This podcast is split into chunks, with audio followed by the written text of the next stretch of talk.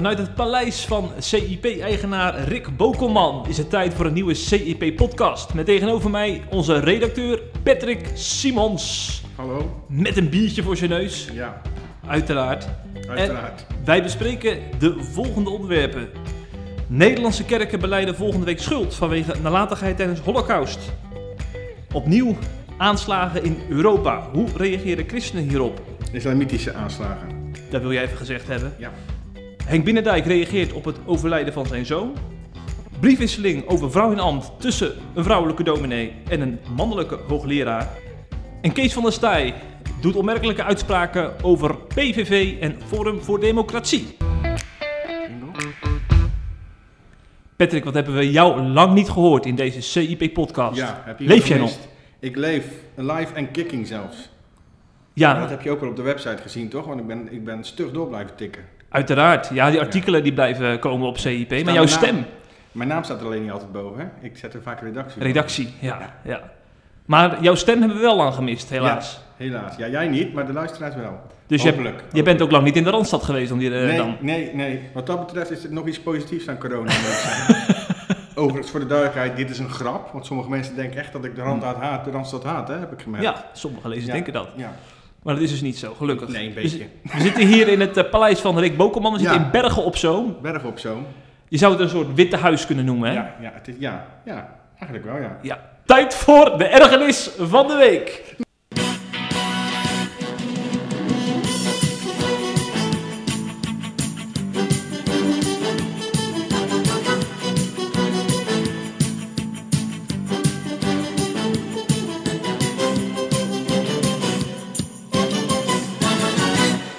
Ja, ik, eh, mijn ergernis gaat eh, over de Amerikaanse verkiezingen, moet ik eh, eerlijk zeggen. Zoals we allemaal weten zijn er afgelopen dinsdag verkiezingen geweest. Hè? Ehm, op het moment dat we het opnemen is nog niet helemaal duidelijk wie er gewonnen heeft. Al lijkt dat Joe Biden te gaan worden. Ehm, maar dan moeten we nog even afwachten hoe dat allemaal gaat aflopen. Maar daar gaat eigenlijk mijn, mijn ergernis niet over. Ik moet zeggen, persoonlijk vind ik het jammer als Biden zou winnen. Niet omdat ik een enorme Trump-fan ben. Ehm, wel omdat ik ehm, me zorgen maak eh, als die anderen aan de macht komen. Daarmee bedoel ik de Democraten. Over bijvoorbeeld de strijd voor het leven in de Verenigde Staten. Over Israël, over de Iran-deal. Ehm, dat zou wel eens fout kunnen gaan uitpakken, wat mijn opinie betreft dan tenminste. Ehm, maar daar gaat nog steeds mijn ergernis niet over. Dus ik ga heel lang uitweiden. Mijn ergernis gaat over het volgende. Afgelopen nacht, ehm, ik zag beelden van een speciale gebedsdienst die is georganiseerd door dominee Paula White. Het is, eh, de, of, die is officieel eh, Witte Huis dominee, hè? eh, aangesteld door Trump. En die heeft afgelopen nacht een gebedsdienst georganiseerd, alsof het nog niet rustig genoeg is in de Verenigde Staten. En in die gebedsdienst bad ze onder meer, ehm, vroeg ze onder meer aan God of Trump alsnog zou kunnen winnen. En ze bad, en nou komt het, in Jezus' naam of de demonische machten verbroken kunnen worden die Trump uit het Witte Huis willen halen. Kortom, Biden wordt gedemoniseerd. Ja, ja, ja. Of de democraten, laten we het zo zeggen. Het zit niet op de man af. En dan kan ze er nog onderuit, maar dat is natuurlijk wel een duidelijke verwijzing naar de democraten en naar ehm, de zogenaamde verkiezingsfraude die volgens hen plaatsvindt. Hè. Daar doelt ze echt bewust op. Ehm, het kwam echt, ik heb dat gezien, die beelden, ik weet niet of jij ze gezien hebt, het kwam echt enorm sectarisch op me over. Ze begon echt heel hard te roepen en ze begon, nu heb ik dat natuurlijk vrij snel bij Pinksterachtige dingen, maar ze begon heel hard te roepen. Elke keer herhaalden ze, herhaalden ze hetzelfde. Ik, ik hoorde het geluid van overwinning, overwinning, overwinning, overwinning. Echt heel... eh, Beetje klemerig. ja, ja, maar ook gewoon sectarisch, zeg maar. Hè? Zoals, zoals mensen... Ja, dat, je weet dat ik... In sommige Pinksterkringen zie je dat ook heel erg af en toe. Maar dan nog keer tien. Het was echt... Ik, heb, ik schrok er gewoon van, moet ik zeggen. Ehm, overigens is dat van die vrouw niet zo heel verwonderlijk. Hè? Want ze heeft eerder heeft ze al een keer gezegd in een interview toen ze werd aangesteld... ehm, dat wie tegen Trump is, ook tegen God is. Zo. Ja, zo'n vrouw is het. Eh, en daar kan ik echt daar kan ik heel boos om worden om God eh, voor jouw politieke karretje te spannen. Ik vind wel dat je vanuit je geloof politiek kunt bedrijven. Maar je moet niet God voor je politieke karretje spannen. En dan helemaal niet door je tegenstanders weg te zetten als duivels. Tenzij het D66 is natuurlijk. Nee, dat is ook niet waar. Dan ook niet. maar dat is dus, ik heb me enorm geërgerd aan die vrouw. Ehm, sowieso is het een hele twijfelachtige vrouw, moet ik zeggen hoor. Het is iemand die vol het welvaartsevangelie preekt hè, en die, die af en toe hele rare dingen doen, multimiljonair is zelf. Maar ik zou zeggen, bekijk het filmpje even, het staat op cip.nl. Dan begrijp je vast waar ik, uh, waar ik me zo aan geërgerd heb. Het is miljoenen keren bekeken. I hear a sound of an abundance of rain. I hear a sound of victory. I hear a sound of an abundance of rain. I hear a sound of victory. The Lord says it is done. The Lord says it is done. The Lord says it is done. For I hear victory, victory, victory, victory in the quarters of heaven. In the quarters of heaven, victory, victory, victory, victory, victory, victory, victory.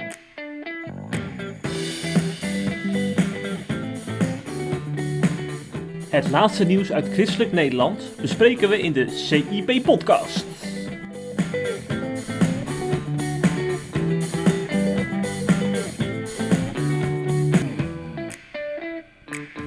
Ja, deze week staat in het teken van schuld. Want uh, veel kerken in Nederland hebben een schuldbeleidnis opgesteld. Ja.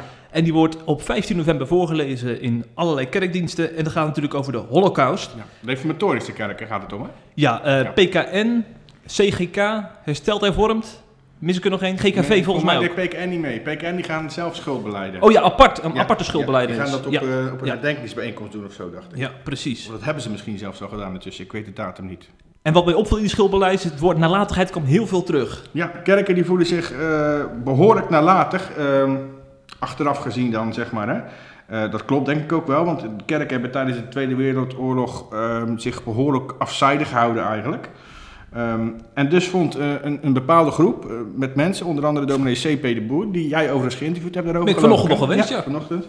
Ehm, die vinden dat het tijd was voor de kerken om hun excuses aan te bieden voor de nalatigheid tijdens de Tweede Wereldoorlog. Wat dus eigenlijk betekent, we hebben nagelaten om bijvoorbeeld Joden te helpen. We hebben nagelaten om ons duidelijk uit te spreken tegen wat er gebeurde. Eh, ik zal zo nog een paar voorbeelden noemen. Zij vonden het nodig om schuld te beleiden, gezamenlijk, vanwege hun, en ik quote nu, passieve houding bij de deportatie van het Joodse volkdeel in onze samenleving. We mogen eraan denken dat bij een oprechte erkenning van schuld zich door Gods belofte van vergeving een nieuwe weg opent. In het gaan van een nieuwe weg moet duidelijk worden dat de kerken daadwerkelijk afstand hebben genomen van een schuldig verleden. Nou, dat is, dat duidelijkheid niets te wensen over, zou ik zeggen.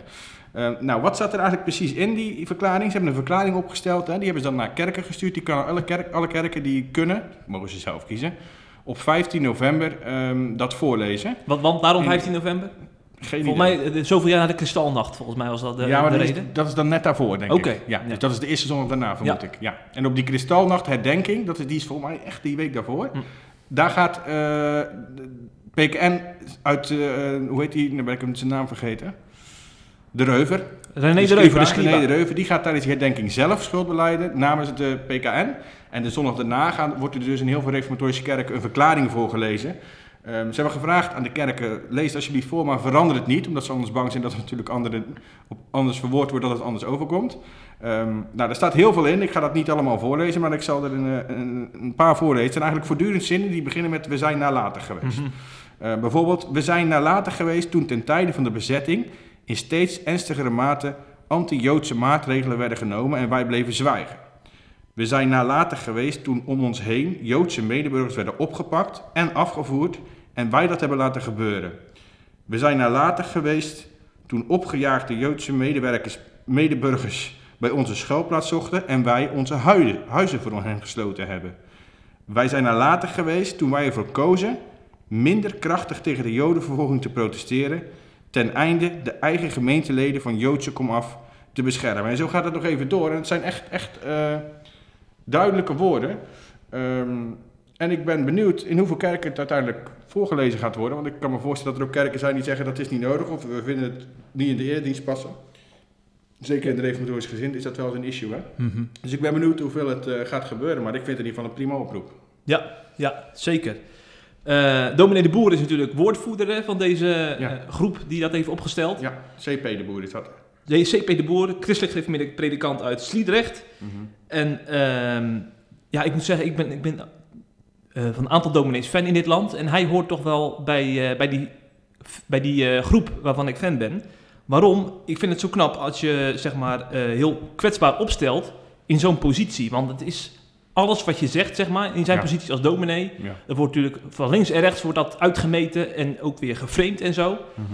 En dan vind ik het zo mooi als je gewoon zo duidelijk inderdaad, wat je zegt, die, die, eh, die schuldbeleidenis eh, kan toelichten. Bijvoorbeeld bij Family 7 heeft hij dat gedaan en ook bij CIP.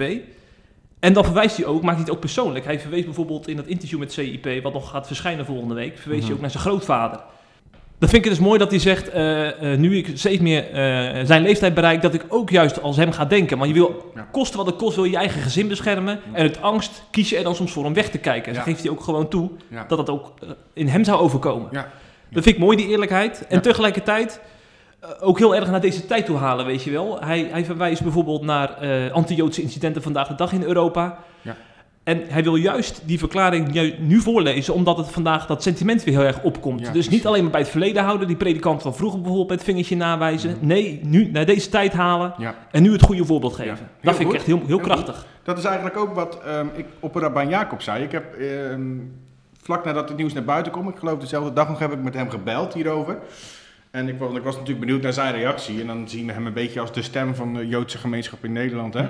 Eh, en die zei eigenlijk ehm, aan de ene kant eh, dat, dat hij het een beetje onnodig vindt, eh schuldenleiders. Want, zegt hij, kinderen hoeven wat mij betreft geen schuld te bekennen en verantwoordelijkheid te dragen voor de daden van hun ouders. En dan vertelde hij ehm, bijvoorbeeld ook bij dat, ehm, dat, dat, hij, dat hij een keer in Israël op, bezoek was samen met zijn vrouw. Toen heeft zijn vrouw gepraat met de vrouw, de dochter van een SS'er.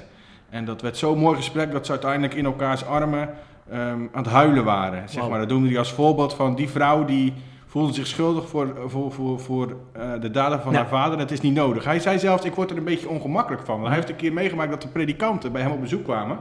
Die ehm, eh, hun schuld kwamen beleiden ten opzichte van hem. En toen zei dat vind ik helemaal niet nodig, want jullie hebben niks gedaan, zeg maar. Aan de andere kant zegt hij wel ehm, dat het goed is dat de kerk erkent dat ze weinig gedaan hebben voor de Joden. Ehm, dus schuldbeleidenis, eh, dat vindt hij, hè, want ze hebben geen schuld. Maar dat de kerk als instituut zegt, ja, dat klopt, we hebben te weinig gedaan. Eh, dat is een navolging van andere instanties. Het Rode Kruis heeft dat al gedaan. Eh, de Nederlandse spoorwegen hebben dat natuurlijk gedaan voor, voor het afvoeren van de Joden. Ehm, en hij vindt dat een, een goede ontwikkeling, vooral omdat we in deze tijd, en daarom, dat is eigenlijk wat C.P. de Boer dan ook zei, hè, ook steeds meer eh, antisemitisme weer zien voorkomen hè, in alle gelederen van de samenleving. Hè. Er wordt dan al heel snel naar ehm, eh, moslims gewezen. Maar dat is natuurlijk absoluut niet het geval. Er is een hele ehm, extreem rechtse groepering eh, in Europa die anti-Joods zijn, antisemitisch zijn, kunnen we gewoon zeggen. We hebben gezien laatst in Breda of in Den Bosch, ik weet het even Den niet Bosch. hoofd, bij een betoging, een demonstratie tegen coronamaatregelen, dat er hel Hitler werd geroepen. Ik kan er met mijn hoofd niet bij wat dat ermee te maken heeft. Misschien denken ze weer aan Soros die het allemaal bedacht heeft en worden ze, weet je wel. Maar hij zegt, juist in deze tijd, wanneer dat toeneemt, vind ik het mooi dat de kerken gezamenlijk eh, zo'n gebaar maken. Hij zei er overigens ook nog bij, we moeten ook niet vergeten dat er ook eh, genoeg predikanten waren eh, in, tijdens de Tweede Wereldoorlog, die juist wel Joden hielpen en zwaar in het verzet zaten. Die zijn er ook. Hm. Dominee Overduin was daar natuurlijk het allerbekendste voorbeeld van. Maar laten we eerlijk zijn, dat was echt een kleine minderheid. Ondanks dat wij soms denken van niet als we alle boekjes lezen. Hè? Mhm. Maar dat was een hele kleine minderheid. De meerderheid deed net als de rest van Nederland wegkijken. Dus het gaat niet om dat de kerken eh, de Joden zelf vervolgd hebben. Het gaat om wegkijken. Daarom, daarom komt dat woord nalatigheid ook voortdurend terug. Hè? Gewoon, Hm. En ik snap, nogmaals, ik snap ook wel wat, wat dominee de, de Boer tegen jou zei. Ehm, je denkt toch eerst aan je eigen hachje en je eigen gezin. Mhm. Als je iemand gaat helpen en je weet, ja, dadelijk worden mijn kinderen afgemaakt, dan denk je toch wel een keertje extra na. Dus zo onbegrijpelijk is het niet. Maar goed, hij vindt het dus niet nodig, schuldbeleid maar wel een goed gebaar en goed teken in deze tijd. En laten we niet vergeten, ik, helaas ging het niet door vanwege corona, maar ook een bezoek bijvoorbeeld aan Auschwitz met je gezin is natuurlijk ook heel helpend hè, voor ik die, ben er geweest, kinderen. ik ben er Ja, geweest. ja. Nou, hoezo les ging door? Wie ging daarheen dan? Nou, ik was van plan daarheen te gaan eerder dit jaar, maar jouw vanwege kind is corona... daar toch nog wel te klein voor? Nee, nee, nee, nee, maar bij wijze van spreken, als je een Ja. groot gezin hebt met kinderen, Ja, dan is dat natuurlijk een goede les. Ik zou er eigenlijk voor zijn dat, eh, dat er eh, eh, alle eerste klasses, eerste klasses van de middelbare school verplicht naar Auschwitz gaan in Nederland. Dus dan iedereen rond de 12, 13, 14 jaar, dat is een goede tijd om dat te beseffen. Kan je een Mhm. mooi lesstof omheen maken. Dit is misschien financieel niet haalbaar, of waarschijnlijk. Maar dat zou ik een heel goed initiatief vinden. Want Ja. mensen beseffen niet wat daar gebeurd is. En pas als je Mhm. daar rond, zelfs ook al weet je het wel, zoals jij, ik ga je vertellen, als je er rondloopt, komt het veel meer binnen. Dat is niet normaal wat je dan ziet. Ja. Ik ga, Erg die, belangrijk. ik ga die reis plannen sowieso Heel de goed. komende jaren. Heel goed.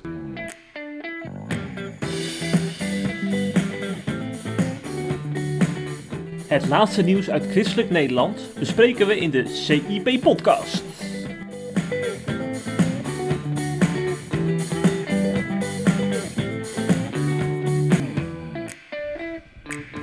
Het is tijd voor de korte nieuwtjes. En eh, we beginnen bij Patrick. Ja, Eh, Jij bent natuurlijk onze nieuwsredacteur, dus zeker wel. je hebt wat eh, voorbij zien komen de laatste tijd. Zo, nou nogal hè. Heel veel, eigenlijk te veel om op te noemen zou ik zeggen. Maar ik wil, ehm, ik wil het hebben over de islamitische aanslagen in Europa van de laatste weken. Jij noemde het net aanslagen. Ik vind het heel belangrijk om islamitische erbij te noemen. Omdat ik vind dat je het beestje bij zijn naam moet noemen.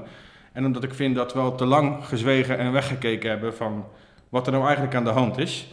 Ehm, nou, ik heb het natuurlijk over de aanslag in Nice van vorige week. Daar eh, werden mensen in een kerk afgeslacht door een extremistische moslim. Ehm, daarnaast werden er ook andere mensen op andere plekken in Frankrijk opgepakt, moslims. Eentje was op weg naar de kerk met een mes. En dan hebben we natuurlijk Wenen nog. Ehm, de stad in Oostenrijk waar een aanslag is gepleegd. Niet op een kerk hè, trouwens. Een aanslag, de, schietpartij was het eigenlijk. Hè. Dus bij in de buurt bij een syna- synagoge of zo? rondom een synagoge, ja. De synagoge zelf was niet aangevallen volgens mij, die was was ook dicht. Ja. Ik denk dat ze het misschien gewoon verkeerd gepland hebben, want ik vermoed wel dat dat het doel het is. Al weten ze dat natuurlijk niet zeker. Wat we wel zeker weten is dat, ehm, dat er moslims achter zitten en dat kerken en synagogen die lijken bewuste doelwitten te zijn eh, voor aanslagen. En dat is natuurlijk ook vrij logisch, eh, want het Westen en het christendom dat zijn voor veel moslims synoniemen. Christendom is de andere religie, daar staat het Westen voor, het vrije Westen zou je misschien zelfs kunnen zeggen. Ehm, en, het wordt, eh, en dat zien ze ook gelijk als vijanden trouwens. Hè? Mhm. Veel moslims zeg ik, hè? even voor de duidelijkheid. En dan onder die veel moslims is er nog eens een heel klein groepje die ook daadwerkelijk iets doet. Dat is wel goed voor de nuance om even te zeggen. Ehm, maar ik vond, vind wel dat het tijd wordt dat we gaan erkennen en gaan inzien dat de islam echt een groot gevaar is. En niet alleen voor onze samenleving, maar ook specifiek voor kerken en christenen. Dat roepen we natuurlijk al langer, althans ik roep het al langer. En veel mensen roepen het al langer, maar die werden heel lang in Nederland, als je dat riep, werd je voor racist uitgemaakt, en werd je voor eh, islamofoob uitgemaakt, moslimhater, extreem rechts. Ik heb het idee dat dat een beetje minder aan het worden is en dat het een beetje op aan het schuiven is. Eh, en dat steeds meer mensen de gevaren van de islam in gaan zien, maar ook daadwerkelijk benoemen. Dat zag ik onder andere aan eh, Gert-Jan Segers van de ChristenUnie, die daar normaal gesproken wel altijd een beetje voorzichtig in was. Hè? Eh, op Twitter althans. Hij kon zich af en toe, als er gerecht naar gevraagd werd, best wel er tegen uitspreken. Hij heeft er ervaring mee, hij heeft in Egypte gewoond. Maar nu eh, was hij op Twitter echt voor zijn doen, vind ik, eh, behoorlijk hard. En ik zal zijn tweet citeren. Hemeltergend dit, zei hij bij een retweet over de aanslag in Wenen gaat dit. De zoveelste slag in de lange strijd tussen enerzijds de westerse beschaving en vrijheid en anderzijds het islamisme. Het vreselijke lot van deze slachtoffers laat zien dat het een strijd op leven en dood is die we niet mogen verliezen. Zo. Dat zijn zeker voor zijn doen echt harde woorden. Ik zei trouwens dat het over Wenen ging. Dat, volgens mij is dat, ging het over Nice. Nice, over Nice. Ja, precies. Helaas zijn er dan ook altijd weer, of is er altijd weer een groepje, eh, ik zou zeggen waarvoor de term deugen eigenlijk nog te zwak is. Ehm, en die zijn dan na zulke aanslagen eigenlijk harder bezig met vooral niks kwalijks over de islam te zeggen. eh, in plaats van met de veiligheid van ons land, onze kerk en onze religie. Ehm, en degenen die dat dan wel doen, die zich wel druk maken over de veiligheid, die eh, gaan ze dan eh, op enorm de maat nemen. Eh, in dit geval heb ik dat gezien van onze vriend Alain Verheij. En nog een andere predikant op Twitter, Axel Wikke, uit Ja, hoofd. PKN-predikant, ja. Ja. Nou, die ging het. eh, ehm, ik, ik zal het, van de- het verhaal van Alain Verheij even vertellen. Dat ging zo. Arnold Huigen, ehm, predikant binnen de CGK, geloof ik. Hè? Mhm. En hoogleraar. En ja. hoogleraar. Die plaatste een tweet waarin hij schreef: De aanslagen in Europa hebben echt met een zekere godsdienst te maken. Het moet gezegd worden: dit is islamitisch terrorisme. Dat tweette hij de avond van Wenen, Mhm. van de aanslag eh, in Wenen. Toen was nog niet officieel bekend, moet ik erbij zeggen, dat, eh, dat het om een islamitische aanslag ging. Maar er waren wel al beelden verspreid van iemand die eh, schietend door een straat Allah Akbar riep. Dus dan, weet je, dat, het dan weet je dat het geen Jood is. Mhm. Ehm, nou, hij plaatste dus deze tweet. Die werd vervolgens gelijk door onder andere Segers en nog meer mensen die bij de CU horen uitgesproken. En daar was vervolgens Verheij als de kippen bij om de brave jongen uit te hangen en Segers zelfs te beschuldigen. Hij, hij ehm, retweette een foto van de tweet van Arnold Huigen. En eh, ook een foto van wie hem gelijk hadden. Daar stond onder andere Stegers tussen. En hij zette daarbij... Gisteravond heeft deze CU-kliek de aanslagen in Wenen eerder opgeëist dan IS zelf. Er was nog absoluut niets bekend, maar de islam werd alvast aangewezen. Een stem op Gert-Jan Segers is een stem op cultuuroorlog. Hoe krijg je dat je toetsenbord? ongelooflijk. Ik, ik heb er eigenlijk maar drie dingen over te zeggen en dan wil ik het afsluiten voordat ik mijn microfoon opeet. Eén, eh, klopt, IS had niets opgeëist, maar wat ik net al zei, er, er werden beelden gedeeld van een, een schietende Allah Akbar-roeper. Dus dat lijkt me meer dan duidelijk. Eh, twee, het is echt lachwekkend hoe hij hier de rollen omdraait. Kijk, moslims plegen aanslagen. Ehm, en als je vervolgens goed vindt dat iemand benoemt dat dat moslims zijn, dan ga jij zeggen, je ontwikkelt een cultuuroorlog. Je draait het eigenlijk om. Die moslims ontwikkelden de cultuuroorlog al jarenlang. En het, wordt, en het is eindelijk is het zover dat ook gematigdere mensen en, eh, het gaan benoemen. Dan wordt het ook serieuzer genomen. Hè. Zolang alleen wereld het roept, wordt het niet serieus genomen. Dus ik ben er heel blij mee. Maar die, Vrij gaat het dus omdraaien. En Is Segers ineens degene die een cultuuroorlog ontwikkelt. Dus echt, ja, als het niet zo serieus was, zou, ik- zou ik er heel hard om gaan lachen. Eh, drie, door deze, ik ga het toch zo benoemen, sorry, christelijke wegkijkers is het christendom wat mij betreft echt in gevaar. Het is een schande en het is ook een klap in het gezicht, zo'n houding vind ik, voor miljoenen christenen die wereldwijd worden, worden of zijn vervolgd, gemarteld, vermoord door de islam. Want dat is gewoon een werkelijkheid die al jaren eh, het geval is. En, zo, en het komt nu steeds meer naar het westen, maar laten we vooral niet la- eh, Afrika vergeten en Arabische landen waar christenen structureel door de islam worden vervolgd en gemarteld en vermoord. Hè? En wat mij betreft zijn juist deze wegkijkers eh, ah, ik pik alleen nu uit als, als voorbeeld, hè, maar er zijn er natuurlijk veel meer. Het zijn veel vrijzinnige predikanten binnen de PKN die een beetje zo praten. Ehm, juist zij zijn wat mij betreft de extremisten en erg gevaarlijk. Weet je waar ik nou aan moet denken? Dat is eruit. Een tij- Een tijdje geleden kwam toch die ranglijst christenvervolging van Open Doors weer uit. Ja. Hè, 50 landen, waarvan Ja. heel veel moslimlanden waar Ja. de christenen worden vervolgd. En toen heeft Ellen van Heij een keer Open Doors weggezet als islamofoob, omdat er heel veel islamitische landen op die ja, lijst staan. Ja, ja, ja. Open Doors ontwikkelt een cultuuroorlog. Ja, dat zou ik bijna twitteren, denk ik. Ongelooflijk, het is ongelooflijk. Zou die, nog, eh, zou, die nog, zou die zich nog willen laten interviewen nu door ons? Nou, als die boeken staan wel. Ja. Zo, nog een trap na. Dank je, Jeff. Even naar de serieuze onderwerp nu. Ja, zeker. Een heel serieus onderwerp. Want een eh, paar weken geleden werden wij opgeschrikt hè, op de redactie door een eh, bericht over Kees Binnendijk. Ja. Een 53-jarige man uit Rijnsburg. En ook nog eens een zoon van Henk Binnendijk. De bekende voormalig EO-presentator en eh, spreker. Die, was, die werd vermist. Op 7 oktober zou hij zijn kind ophalen op school en hij kwam daar niet opdagen. En bij Katwijk op het strand is hij voor het laatst gezien. Dus er kwam een hele zoekactie op gang. Volgens mij zelfs Hart van Nederland heeft er nog aandacht aan besteed. Ja. Ook aan die zoekactie met reddingsboten. Landelijk, telegraaf. Ja. Politie verspreidt natuurlijk eh, een opsporingsbericht eh, met allemaal eh, kenmerken van deze man. We hebben dat bericht op CIP gezet in de hoop dat ook lezers die misschien getuigen waren eh, van, eh, of hem voor het laatst gezien hadden, ook dat zouden oppakken. Eh, anderhalve week later, moet je nagaan, anderhalve week in onzekerheid verkeren, eh, werd hij pas gevonden eh, bij Katwijk. Helaas levensloos. En ehm, ja, dan denk je natuurlijk allereerst Vreselijk. aan Henk Binnendijk en zijn familie, hè, die Ja. anderhalve week lang Ja. niks hebben gehoord. Althans, wij denken natuurlijk aan Henk Binnendijk omdat hij bekend is, maar Ja, hij heeft ook een vrouw en kinderen Precies. geloof ik, hè? ja, Dat is natuurlijk ook heel erg hè? zeker. vreselijk. Dus we hebben dat eh overlijdensbericht natuurlijk op CIP gezet. Ja. Eh, en toen werden we getipt door Bert Notenboom, dirigent. Hij had een, eh, in de Nieuwe Kerk in Katwijk had hij een mannenzangavond samen met Marco Dentoom, de organist. Mhm. Allemaal mooie psalmen werden, werden er te bedden gebracht. En tussen de psalmen door eh, kwam Henk Binnendijk aan bod. Hij eh, voerde een gesprek met eh, Bert Notenboom en het werd heel persoonlijk. Het ging namelijk toen ook over het overlijden van Kees. Dat was natuurlijk heel bijzonder, want volgens mij nog maar nog niet eens een paar dagen voor dat gesprek was Kees begraven. En toen al vond er dus een interview plaats waarbij Henk heel erg persoonlijk werd over zijn zoon. Nou, en alles wat we hierover zeggen is eigenlijk te veel, want eigenlijk moet je gewoon naar Henk Binnendijk zelf luisteren. Ja. En dan eh, hoeven wij niks meer te zeggen eigenlijk. Dus laten we luisteren naar Henk Binnendijk. Ik ben heel erg aangeraakt door een, een, een tekst die de heer Jezus gebruikt. Hij vertelt het eh, zo. Hij zegt er was een rijke man die goed gekleed ging, elke dag feest hield. En aan de poort van zijn landgoed lag een arme man, een bedelaar, vol met zweren. En die hoopte dat hij wat kreeg van die tafel van de rijken. En dan zegt de Heer Jezus zo: Het geschiedde nu dat de arme stierf. En door engelen gedragen werd in Abrahams schoot. Ja. Toen heb ik uitgelegd wat dat was. Ik heb gezegd, Abraham is de man die het dichtste bij God leeft. Want Abraham heeft hetzelfde meegemaakt als God zelf.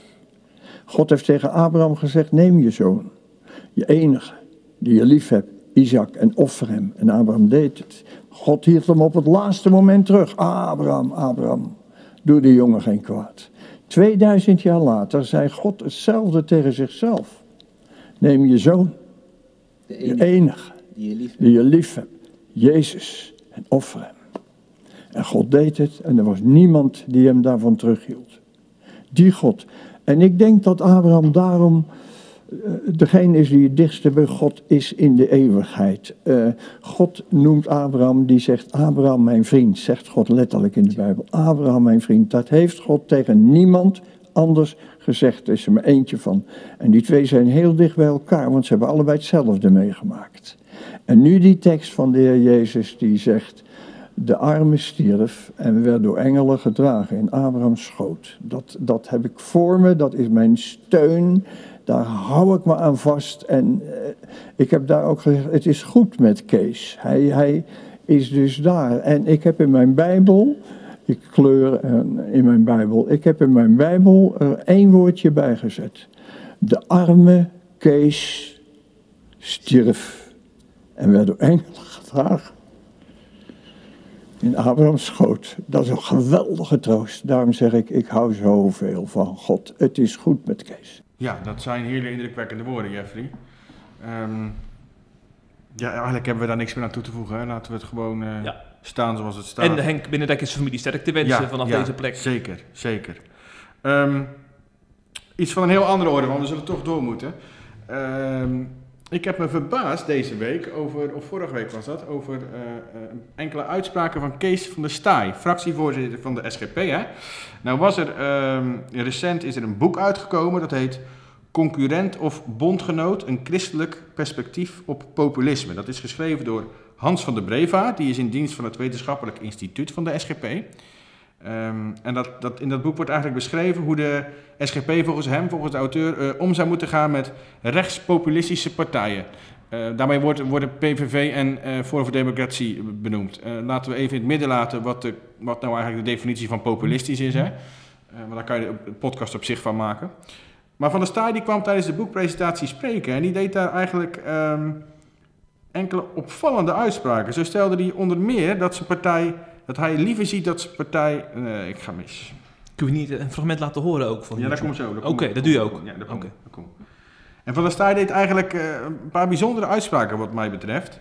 Eh, hij vroeg zich bijvoorbeeld eh, hardop af eh, hoe SGP zich het beste kan verhouden tot partijen als eh, Forum voor Democratie en PVV. En dan zei hij, ik quote, ik denk dat het heel belangrijk is dat je allereerst goed weet waar je zelf als partij staat.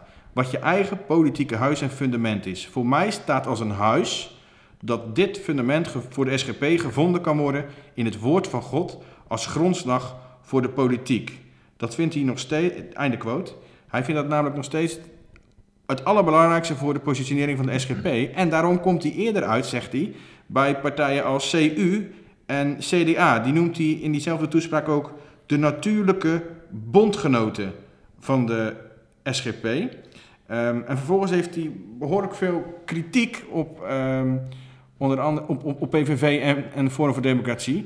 En dat gaat onder andere over de manier waarop eh, die partijen eh, zich hebben laten zien en laten horen tijdens de coronacrisis. Laten we even luisteren. En misschien nog even een heel actueel puntje in de coronacrisis. Eh, toen het even spannend werd, toen het weer even aankwam, wat doen partijen nu? Toen daar ehm, eh, gesproken werd over, moeten de kerken ook op slot? Eh, toen de mensen bang waren van de opkomende corona. Ehm, tot mijn verrassing en teleurstelling gingen partijen als PVV en Forum ook mee, eh, met een aantal partijen ter linkerzijde, om te zeggen, ja, op slot die kerken. Vrijheid voor godsdienst, even niks mee te maken. Kortom, ook die fundamentele vrijheden die voor ons essentieel zijn, zijn niet in veilige handen. Heb ik helaas moeten vaststellen in de politieke praktijk. En is de best natuurlijk wel weer een of andere opinieverhaal of aanzet of persoonlijke gedachte te vinden die veelbelovend is. Maar als ik gewoon nuchter kijk naar het stemgedrag, op die essentiële punten aan de decaloog georiënteerd, worden we helaas vaak in de steek gelaten. Nou, daar is hij dus vrij duidelijk in. Hè? Hij had overigens nog, nog veel meer kritiekpunten, maar dit was natuurlijk heel actueel. Uh, maar hij noemde ook andere punten. Hij noemde bijvoorbeeld uh, het beleid rondom prostitutie, waarin hij vindt dat zijn partij zich veel meer kan vinden met CU en CDA. Hè? Want partijen als PVV en Forum die steunden een voorstel uh, om paal en perk te stellen aan prostitutie niet. hij noemde ook onderwerpen als abortus, als euthanasie. maar hij zegt, uiteindelijk krijg je in een debat over medische ethiek vooral steun van een partij als ChristenUnie en in mindere mate ook van het CDA. Dat zijn voor ons hele belangrijke onderwerpen. Denk ook aan zondagsrust. PVV heeft daar helemaal niets met de wijze waarop de SGP zondagsrust wil beschermen. En daarnaast noemde hij ook nog het christelijke onderwijs. Dus dat waren hele duidelijke woorden, terwijl ik juist een ontwikkeling zie um, um, onder uh, SGP'ers, steeds meer SGP'ers die, die uh, openlijk flirten met uh, Forum en PVV, met het gedachtegoed. Dat klopt ook wel. Op bepaalde punten zijn ze natuurlijk heel erg. Als het gaat om Europa, het gaat om immigratie. Um, hebben ze veel meer gemeen dan uh, de CU als het gaat om klimaat. Uh, maar zegt Van der Staaij, niet onze ogen sluiten voor, de, voor die kanten van die partijen, voor de schaduwkanten noemt hij het zelf omdat we, nou dat zijn natuurlijk voor de SGP, abortus, euthanasie, wat hij zei over corona, de vrijheid van kerk. Hij was, we hebben dit fragment gehoord hoe hard hij kon zijn. Dat ze zelfs aan de fundamentele vrijheden zijn niet in veilige handen, zei hij letterlijk, bij Forum en uh, PVV. En dat zijn ze bij CU en CDA wel. Dus dat vind ik opvallend. Dat hij dat zegt, terwijl zijn achterban zie ik juist steeds meer die kant op schuiven. Aan de andere kant, tot slot, zei hij ook nog, um, maar ik sluit nooit, wat andere partijen wel doen over, met betrekking tot PVV en Forum voor Democratie, ik sluit nooit partijen uit, um, want geen enkele partij is in onze ogen melaats. Dus hij zou best kunnen samenwerken met die partijen. Maar hij was uiterst kritisch. En genuanceerd is blijkbaar als ik zo hoor. Want ik zag ook nog wel eens wat fragmentjes op Twitter voorbij komen... waarbij ik dacht van, nou, is dat wel de waarheid... wat er wordt gezegd over Van der Staaij? Ja, oh ja, wat dan? Nou ja, bijvoorbeeld uh, een video waarbij Van der Staaij uh, overkomt als een rechtspopulist... en ja. neigt naar FVD en PVV juist. Jij bedoelt Tom de Nooijen? Ja. ja. Ja, ja, sommige mensen... Ja, Tom de Nooijen is dan weer zo'n... Dat is een van de mensen die ik net benoemde... die openlijk flirten met, met dat gedachtegoed van de Forum en, en PVV. Hè? En dan wel op die gebieden die ik net noem. Uh, en die plaatst dan inderdaad fragmenten... waarin hij, die fragment wat ik net noemde, hè, we zijn uh, niet melaats, geen enkele partij is melaats. We hè, insinueren we willen samenwerken, dat is ook zo. Maar die liet hele, het hele kritische gedeelte van, uh, van de staai op die partijen liet hij inderdaad achterwege. Ik snap het ook wel een beetje. Ik heb het ook nog tegen hem gezegd, maar hij heeft niet gereageerd. Hm. Ja, nou ja, dan lees je toch op CIP. Ja. Het verslag staat erop, hè? Ja, ja. Wel even CIP Plus lid worden om het hele verslag uh, van deze lezing te precies. lezen. Steun ons en ons biertje. Met grote vreugde zag ik deze week op CIP een briefwisseling voorbij komen tussen Almatine Lene, de eerste vrouwelijke predikant ooit in de Griffmiddenkerken vrijgemaakt, en Wim van Vlastuin, hoogleraar in de herstelde vorm de kerk, waar dus voorlopig nooit een vrouw op de kansel zal verschijnen. Nou, dan is het toch mooi dat deze twee mensen met elkaar over dit onderwerp, namelijk vrouwen wel of niet op de kansel of in het ambt, uh, elkaar een brief schrijven en in elkaars hart kijken. Want als je elkaar een brief schrijft, dan word je natuurlijk persoonlijk en dan krijg je echt een gesprek van hart tot hart. En daarom ben ik zo blij. ben ik zo blij met deze briefwisseling. Oh, oh, oh, oh wat erg. Ja, nou, Pet, ik mag toch wel een beetje emotie tonen in deze ja, podcast? Ja, natuurlijk mag dat. Maar ik mag er ook gewoon heel hard om lachen. Ja, mag, dat mag ook, dat mag ook. van hart tot hart. Oh, oh, oh. Want laten we niet vergeten, Patrick, we hebben het hier over een van de heetste hangijzers ja. van 2020. Ik ben het ook gewoon met je eens. Ik ja, moet gewoon lachen weet ik, ja. om je woordkeuze. Ja, precies, precies. Ook uh, wat bo bijna bovenaan de kerkelijke agenda staat uh, in allerlei grote kerken. Uh, ik denk bijvoorbeeld aan de christelijk gereformeerde kerk, hè, waar ook eind deze maand weer een synode is. Ja. Waar ook heel erg veel discussie is, wel of geen vrouw in ambt. En hoe ga je daar mee om met die verschillende manieren van, van meningen daarover. Mm -hmm. Ik denk ook aan de gereformeerde bond, waar ook al jarenlang discussie is. Ja, klopt, correct. Op dit punt.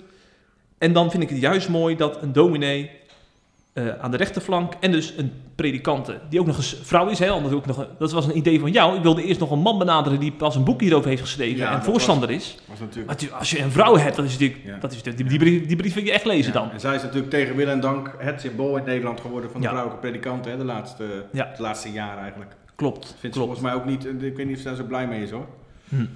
Al hoort, denkt ze wel dat dat er gewoon bij hoort. Net als dat Paula Schot de eerste vrouwelijke wethouder is. Hè. Die, die denkt ook, ja, het hoort er nou helemaal bij. Ja, ja, en vandaar dat ze misschien ook wel ja heeft gezegd tegen deze briefwisseling, want ze had Ja. het ook niet kunnen doen. Ja. Eh, nou zegt zij niet zo snel nee hoor, als wij Nee. zoiets vragen. Nee, nee. Nee, zeker. Eh, wat ik trouwens ook mooi vind aan de, de vorm van briefwisseling, want het is voor ons niet de eerste keer. We hebben eerder al John Lapre en Willem Ouweneel gehad over Ja. homoseksualiteit. Ja. Hè? Dat vind ik zo mooi. Eh Ouweneel kan ook heel goed columns schrijven, ook over homoseksualiteit. Maar dan vond ik hem altijd weer een beetje, eh, hoe zeg je dat? Een beetje... eh, Niet empathisch genoeg. Ja, precies. Ja. Van, ik vertel even wat, wat, de waarheid is. Ja. En dan met zo'n briefwisseling, dan lees je ook dat iemand gewoon mens is. Mensen hè? worden Dat- empathischer omdat ze met iemand spreken. Dus Inderdaad. Ik kan heel makkelijk zeggen, homoseksualiteit is een zonde. Totdat ik tegenover John Ja. Zit. Hè? En tegenover zit is dan nog een stapje verder. Maar totdat ik een brief met hem schrijf, snap je? Dan ga je toch, zelfs als je zo denkt, ga je dan nog anders praten. Mhm. En daarom is het, eh, is het een heel goed, eh, goede wijze, vind ik. Ik vind dat we dat vol moeten blijven houden, ook op andere onderwerpen. Ja, laten we dat vooral blijven doen. Ehm, ik zal even een stukje voorlezen uit de openingsbrief van Van Vlastuin, die Ja. deze week op CIP stond. Dan heb je een beetje een beeld bij de brief die hij schreef aan Albertine Lene. Hij schreef: "Hij- Het zou een verrijking zijn om vandaag nieuwe perspectieven aan de schrift te ontlenen, om zo meer van de volheid in Christus te verstaan. Maar het lukt mij niet om jouw perspectief mee te maken, zegt hij dan tegen Albertine. Als ik jou goed beluister, is jouw voornaamste argumentatie dat de noties van de schrift op dit punt cultuur bepaald zijn. Hoe bepaal jij wat cultureel bepaald is in de Bijbel? Is de boodschap van de schepping ook door de cultuur bepaald? En de boodschap van de verzoening en Jezus' leer van de eeuwige straf? Zou Jezus' ide- ide- identificatie met de Vader ook een vorm van cultureel spreken kunnen zijn? En zou het geloof in de opstanding van Christus niet een bepaalde vorm van beeldspraak zijn? Kortom, hij waarschuwt dus voor een hellend vlak, hè, zou je kunnen zeggen. Maar Ja. dit zijn allemaal vragen die bij iedereen leven in onze Ja. achterban. Absoluut. En dan kijk je natuurlijk uit naar het antwoord van Albertine Leen. Ja. Dat stond vandaag op SIP, toch? ja. En ook weer achter die betaalmuur, hè, Patrick? Ja, Dus dan- toch, toch een abonnementje afsluiten. maar is het ook meer dan waard, want wij hebben zoveel goede content, Jeff. Ja, ja, ja. Wat zijn we toch goed, hè, zeg je eigenlijk. Ja, Laten wij proosten op, op... leven- op, op, ons, op onze enorme kwaliteiten. Proost. Ik zou bijna zeggen zo, maar dat hoort eigenlijk bij een ander biermerk. Ja, zo, Marcel Ja. van Roosmalen, ja. Precies. Ja. Eh, we zouden nog een, eh, de podcast veel langer kunnen vullen, want er is veel meer nieuws. Maar eh, ik zou zeggen, luister volgende week weer naar een andere podcast. En blijf vooral CIP in de gaten houden. Er komen geweldige verhalen aan. Waaronder, ik heb ehm, hoogleraar kerkrecht ehm, Rick Torfs gesproken. Die heeft een geweldig boek geschreven in de coronatijd. Heeft, die tijd is hij optimaal benut. De kerk is fantastisch. En eh, ik heb hem daar uitgebreid over gesproken. En dat wordt er echt geweldig uit. Alleen dat is al reden om C lid te worden, zou ik zeggen. En ik zal één tipje van de sluier oplichten. Ik zal één citaat delen. Dat is echt, ik, ik, elke keer als ik het citaat weer lees in, in het artikel dat ik geschreven heb, dan geniet ik weer. Dat is namelijk het volgende. Hij zei, je kunt God altijd vertrouwen, ook al zwijgt hij vaak. Maar je kunt de kerk, maar je moet de kerk minder vaak vertrouwen, ook al spreekt ze voortdurend. Ik zou zeggen, steek die in je zak Ja, en word snel Play- eh, Plus lid, dan kan je het artikel volgende week lezen. super, super. Ja. En Patrick, heb ik nog, heb ik nog een vraag aan jou tenslotte. Ja. Als dadelijk weer eh corona-maatregelen worden versoepeld, ben je dan bereid om Tolen te verlaten en weer naar Utrecht te komen voor de CIP-podcast? Voor jou met alle liefde, onder één voorwaarde. Ja. Zorg dat er een fles Prosecco staat. Oké, ja. Want dit bier is zeg maar een beetje... Beetje lauw? Beetje B-drank, hè? hey, we gaan er vandoor, hè? Ja, helemaal goed. Luisteraars tot volgende week. De groeten.